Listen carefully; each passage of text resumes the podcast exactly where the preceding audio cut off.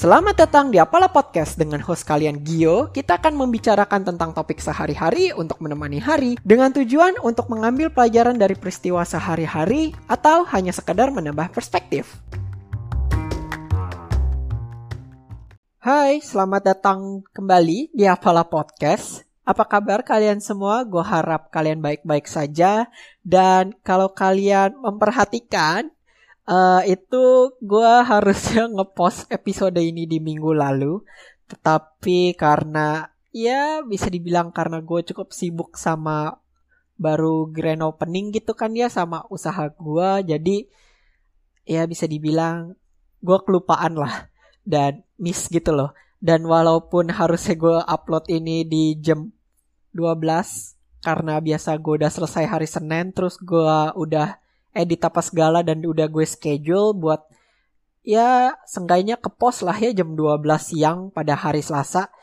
Itu akhirnya gue malah lupa dan ya kebablasan lah. Jadi minta maaf lah ya untuk kalian semua kalau kalian menunggu tentang uh, episode hari ini. Tentang apa yang terjadi di dunia kita masa ini, gue rasa ya gak kabar yang ada ya itu-itu aja sih. Jadi Pemilihan presiden di Amerika Serikat itu sudah berjalan dan akhirnya Joe Biden menang, kalau gue nggak salah ingat.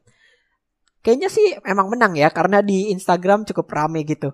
Terus juga, apalagi ya yang terjadi? Oh, gue baru ngobrol sama salah seorang dan dia kayak cukup memperhatikan berita. Jadi katanya vaksin itu udah mulai ditemukan, terus juga udah diuji coba kalau nggak salah ke tikus ya kalau nggak salah. Terus ke monyet sekarang. Kalau gue nggak salah inget ya. Terus nanti kalau misalnya udah selesai baru ke manusia. Dan kalau misalnya udah aman dan teman-temannya baru bisa disebarluaskan. Tetapi ya walaupun kayak gitu bukan berarti kita masih benar-benar aman gitu loh. Karena ya virusnya kan terus bermutasi ya dan kita nggak tahu gitu loh. Apakah vaksin yang sekarang bisa menangani perubahan atau mutasi dari virus itu sendiri atau itu hanya buat sementara. Jadi pesan gue ya tetap jaga kesehatan, juga protokol kesehatan tolong dilaksanakan dengan baik di luar rumah khususnya. Kalau di dalam rumah ya sering-sering lah ya mandi terus juga cuci tangan terus juga kalau misalnya bisa jaga jarak ya jaga jarak terus makan makanan yang bergizi dan teman-temannya Nah, berbicara tentang episode pada hari ini, gue akan membahas lanjutan dari dua minggu lalu. Karena harusnya gue ngepost ini di minggu lalu, tapi ya gue baru bikin di hari ini juga. Pada gue pada saat gue ngepost podcast ini. Jadi ya gue minta maaf lah ya sekali lagi kepada kalian semua karena gue sudah melalaikan ya sebenarnya kalau kalian nggak ngarepin nggak apa-apa sih. Tapi gue merasa bersalah aja gitu sama orang yang udah nanti-nanti terus gue udah bilang harusnya keluar hari apa? Tapi gue malah lupa gitu loh. Jadi gue minta maaf pada kalian. Gue akan membahas tentang langkah-langkah apa sih yang bisa dilakukan untuk menjadi eco-friendly atau sedikit lebih ramah lingkungan lah bisa dibilang seperti itu. Uh, jujur aja pada episode yang terakhir itu gue bilang bahwa gue nggak seneng sama beberapa orang bukan berarti gue nggak seneng sama komunitasnya secara keseluruhan.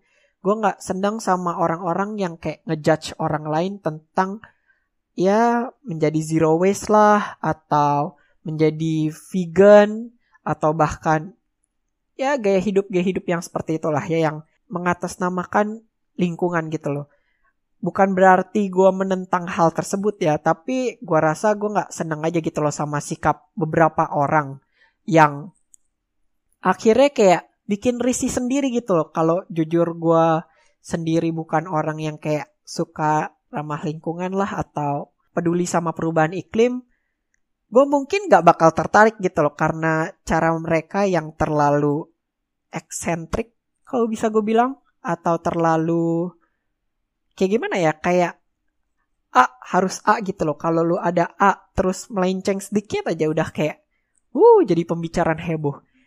Yang gue rasa yang bisa kita lakukan sekarang walaupun ya Indonesia masih transisi lah kalau gue bisa bilang ke energi yang lebih baru, terus juga energi yang ramah lingkungan, terus juga teknologi yang lebih ramah lingkungan dan teman-temannya. Ya kita bisa gitu loh berbuat sesuatu tentang hal tersebut. Dan walaupun kayak kalau misalnya lu bisa kayak zero waste lah terus bisa ngompos di rumah terus barang-barang yang lu beli itu menghasilkan sampah seminim mungkin kayak sikat gigi bambu lah atau alat cukur yang bisa dipakai sampai bertahun-tahun yang bisa di daur ulang atau dipakai kembali dan teman-temannya itu masih gak terjangkau oleh semua kalangan gitu loh. Karena ya gue udah bilang kayak yang pada episode lalu kayak mengompos lah. Padahal harusnya mengompos itu kan kegiatan yang kalau misalnya zaman dulu gitu ya, kalau punya lahan, uh, terus lu punya tanah, punya kebun, kan sampah tinggal lu gali tanah di depan lahan atau di depan kebun lu, terus lu taro sampah organik di situ, terus lu taruh juga daun-daun yang jatuh atau gugur, terus lu tutup lagi, itu kan udah jadi kompos. Tapi di zaman sekarang ya kayak misalnya di Jakarta udah lahan sempit, terus orang nggak tentu punya kebun di depan rumah, terus juga uh, buat mengompos itu sendiri kayak kesannya sebuah privilege buat orang yang punya duit lah kalau bisa gue bilang karena buat nyediain ember sama tanah sama biangnya supaya komposnya jalan itu kayak bayar ya sekitar 300 lah buat alat-alatnya. Belum kayak biangnya kan harus beli lagi dan teman-temannya. Jadi gue untuk mengajak kalian semua jauh lebih eco-friendly atau lebih ramah lingkungan, memikirkan beberapa cara, cara-cara yang bisa kita lakukan gitu loh secara bersama-sama.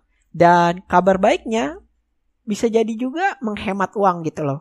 Nah, jadi cara yang pertama itu yang selalu gue usahakan bisa lakukan itu mengurangi porsi makan daging, terutama daging sapi atau kalau kalian non muslim daging babi atau kambing. Ya pokoknya daging hewan-hewan seperti itulah ya. Itu adalah langkah yang pertama. Kenapa? Karena seperti yang kita tahu ya, aktivitas kita sehari-hari itu kayak berpindah tempat, terus juga makan bahkan itu menghasilkan emisi gitu loh atau karbon dioksida. Dan gas karbon dioksida atau bahkan gas ruang kaca lah kayak metana itu kan terkontribusi dari transportasi, pembuatan lahan buat pangan, terus juga ya banyak macam lah ya kalau gue jelasin kayak kayak mungkin podcastnya kepanjangan kali. Jadi intinya pada saat kita makan terutama kayak daging yang merah kayak daging sapi daging babi daging kambing dan banyak lainnya itu menghasilkan emisi gitu loh terutama sapi. Itu menghasilkan metana. Dan juga buat ngasih makan sapinya itu kan butuh lahan terus juga banyak macam lah intinya cukup kompleks tapi karena lu bisa makan itu, itu lu berkontribusi juga gitu loh secara tidak langsung terhadap lingkungan. Nah, jadi yang bisa dilakukan itu mengurangi porsi makan daging. Kayak misalnya kalau misalnya sekarang lu seminggu kayak 5 sampai 6 hari itu pasti makan yang namanya daging sapi. Cobalah dikurangin kayak misalnya seminggu cuman 4 kali gitu loh. Terus porsinya gak kayak melulu dagingnya gede banget kayak 200 gram buat sekali makan. Kalau misalnya ngemanjain diri sekali-sekali boleh lah ya.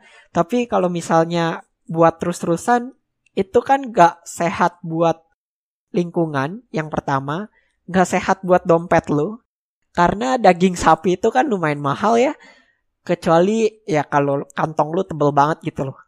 Nah terus juga yang ketiga sapi itu gue rasa ya jadi kayak ada beberapa orang kan yang kalau misalnya makan daging merah terlalu banyak kan itu bisa micu masalah kesehatan gitu ya kan. Jadi ya kalau misalnya makannya standar-standar aja sih ya nggak apa-apa sih. Tapi kalau udah mulai kebanyakan gue rasa itu juga udah nggak baik buat kesehatan gitu loh. Nah terus hal berikutnya masih berkaitan dengan makanan gitu.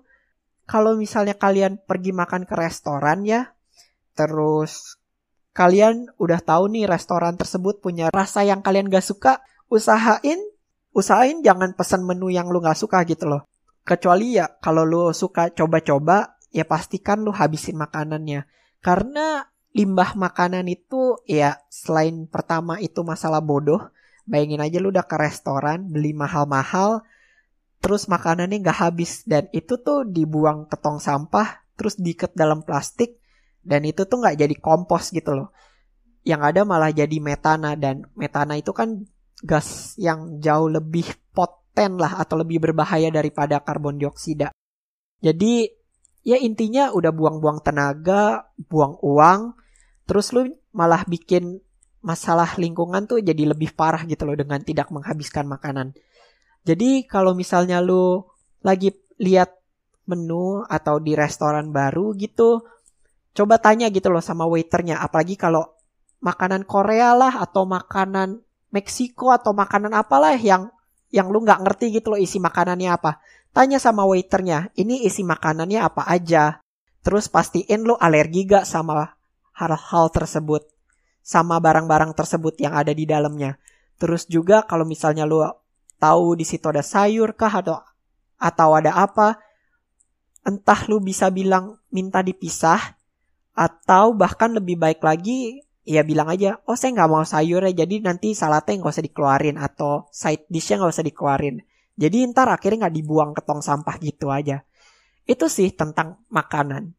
Nah hal berikutnya gue rasa yang bisa kita lakukan itu tentang transportasi lah ya karena ya kalau tinggal di Jakarta mungkin enak kali ya.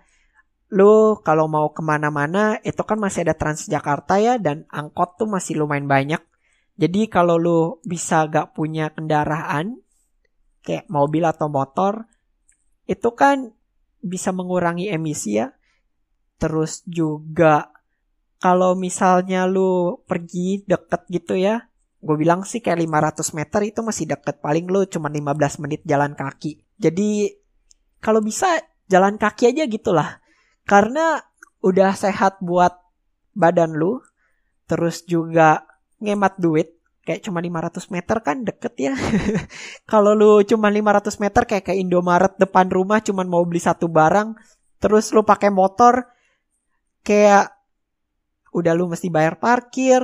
Kalau misalnya Indomaretnya ada tukang parkir ya, terus juga lu mesti keluarin motornya, terus lu nyumbang karbon dioksida, ya pokoknya menurut gue kayak nggak nggak worth it lah, cuma 500 kilo eh 500 meter jalan, tapi lu kayak harus ngeluarin motor. Jadi kalau deket ya jalan kaki aja lah ya. Terus kalau misalnya kalian bisa naik transportasi umum buat pergi ke mana-mana, gue rasa sih jauh lebih murah lah ya daripada lo harus beli mobil, terus bayar cicilannya tiap bulan, bayar bensinnya juga mahal ya kan. Jadi ya kalau gue bisa bilang sih nggak punya kendaraan tuh jauh lebih bagus buat kantong sama buat uh, lingkungan. Tapi emang sih kalau ke mana-mana maunya bebas terus juga lo biasa sering bawa barang banyak pasti sih emang lebih enak pakai kendaraan pribadi. Terus juga yang bisa dilakukan itu kalau misalnya kalian suka traveling itu kurangilah ya naik pesawat sekali. Terus kalau misalnya kalian bisa beli direct itu beli direct karena ya, emisinya jauh lebih sedikit daripada lu numpang ke satu tempat abis itu transit. Tapi emang sih itu masih sebuah luxury atau sebuah kemewahan bagi beberapa orang aja gitu. Karena kan harga tiket direct jauh lebih mahal ya daripada beli yang transit karena biasanya seperti itu. Tapi tenang aja tahun ini kita semua cukup susah untuk pergi ke mana-mana ya karena covid. Jadi ya itulah ya sebabnya kenapa kemarin pas awal-awal covid itu udara kayak bersih banget gitu. Karena orang gak bisa keluar, transportasi gak keluar ke mana-mana, terus juga pesawat gak ada yang terbang, jadi emisinya berkurang jauh. Terus yang bisa kalian lakukan lagi, hal lainnya itu juga uh, kalau misalnya kalian beruntung gitulah ya punya uang lebih terus bisa mendukung bisnis-bisnis yang mendukung keberlangsungan atau kesehatan lingkungan, ya kalian bisa dukung gitu loh bisnis tersebut. Kayak misalnya kalau misalnya kalian suka barang-barang zero waste gitu ya, mungkin kalian bisa ke bookstore kalau di Jakarta. Sayangnya emang gak di banyak tempat sih ada. Jadi dia konsepnya tuh kalau lu mau beli barang gak disediain plastik gitu loh. Walaupun gue masih lihat ada beberapa kayak stiker, terus juga ada ya masih ada lah ya plastik-plastik gitu. Tapi ya seenggaknya lebih minim lah ya. Terus juga kalau misalnya kalian bisa dukung, kalau misalnya beli barang online, tanya sama penjualnya gitu loh. Pak bisa gak dikirim pakai koran aja gitu loh bungkusnya, jangan pakai plastik lagi karena kebanyakan kalau orang kirim barang gitu ya kayak terlalu parno banget gitu loh kalau misalnya pakai koran atau pakai kertas bekas kayak kesannya kan kayak nggak eh, kurang lah ya kalau online. Padahal gue dulu pernah jualan terus itu gue ngebungkusnya selalu pakai kertas koran bekas gitu loh. Iya sih masih ada solatip dan teman-temannya tapi kan jauh lebih berkurangnya daripada semuanya plastik dan biasanya kan plastik yang dipakai kan kayak kresek. Jadi kalau misalnya dibuka, udah dibuka ya gak bisa dipakai lagi gitu loh kreseknya. Kan sayang ketahuan koran sih menurut gue. Dan apakah aman pakai koran? Aman-aman aja sih selama ini gue kirim kayak yang komplain cuman satu orang dari sekian banyak orang yang gue kirimin gitu loh. Jadi kalau misalnya kalian belanja online bisa dicoba gitu loh. Pak, boleh gak? Atau Mbak, atau kak? Boleh gak? Pas kirimnya saya mau packagingnya pakai koran bekas aja. Saya gak apa-apa kok. Gue rasa orangnya bakal mau dan ya sampai di kurirnya juga gue rasa gak bakal hancur lah. Gue rasa kayak gitu sih apalagi ya kalau misalnya kalian ingin jauh lebih ramah lingkungan kalau mau ke restoran atau ke tempat pinggir jalan terus kalian mau minum nggak usah minta sedotan lah ya karena sedotan itu udah nggak bisa didaur ulang nyebabin masalah lingkungan yang jauh lebih parah. Ya nggak sehat lah pokoknya. Terus apalagi ya yang bisa kalian lakukan oh ya pas kalian beli barang itu diusahakan lah ya disimpan dengan baik dan benar gitu loh kayak misalnya kalian beli susu atau beli apa pun lah di supermarket perhatikan gitu loh tanggal expirednya kapan. Terus pastikan juga di rumah tuh masih butuh gak. Jangan sampai oh karena promo lu beli beli beli yang banyak. Terus akhirnya lupa dipakai dan akhirnya malah dibuang. Seperti yang gue bilang ya masalah limbah makanan tuh kayak bodoh banget gitu loh. Udah beli pakai uang terus gak dipakai. Padahal itu bisa dipakai buat kalau misalnya lu bisa sumbangin gitu oke okay lah ya. Udah gitu lu buang ya kan, terus malah nyebabin masalah lingkungan yang jauh lebih parah.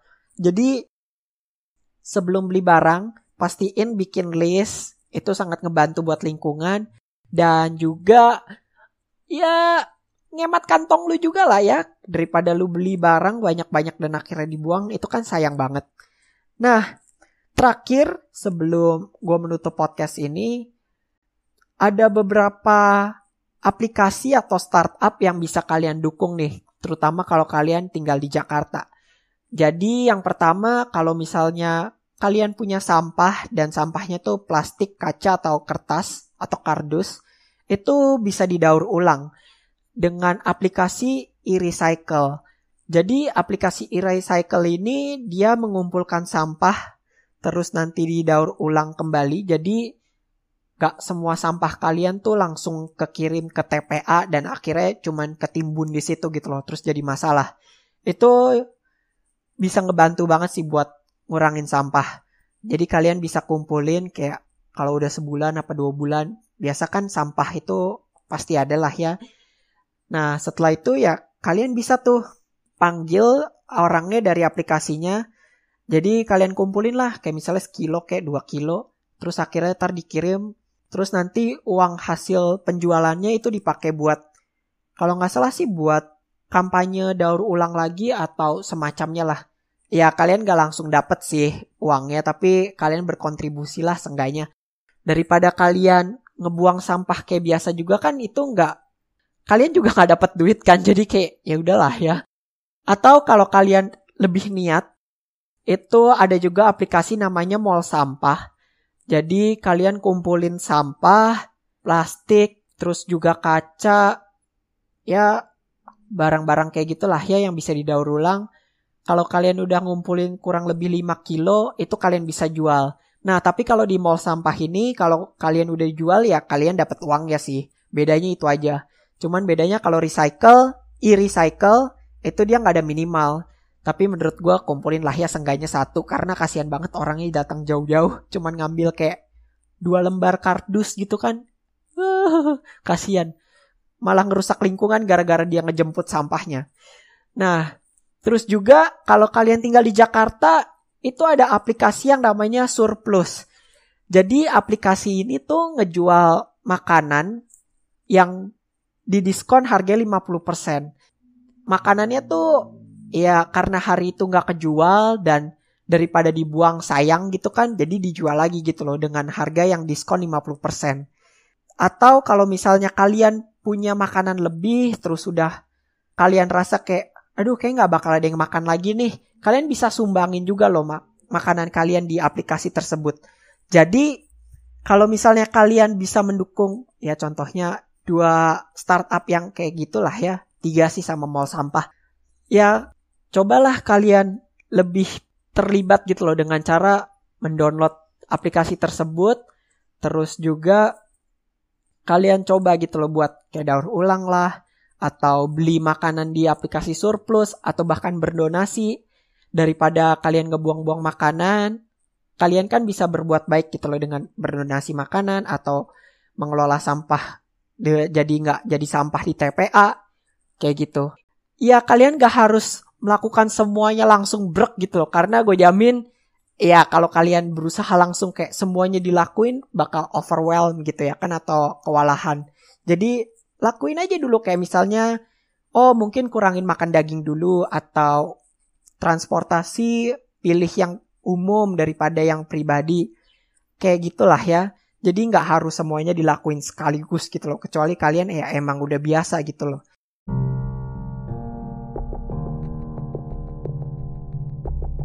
Sekian, gue harap kalian bisa mengambil pelajaran dari episode kali ini. Jangan lupa untuk subscribe, like, dan share podcast ini kepada teman-teman kalian. Terima kasih sudah mendengarkan. Jangan lupa jadi tetap lebih baik dan jadi otentik. Kita jumpa lagi lain waktu.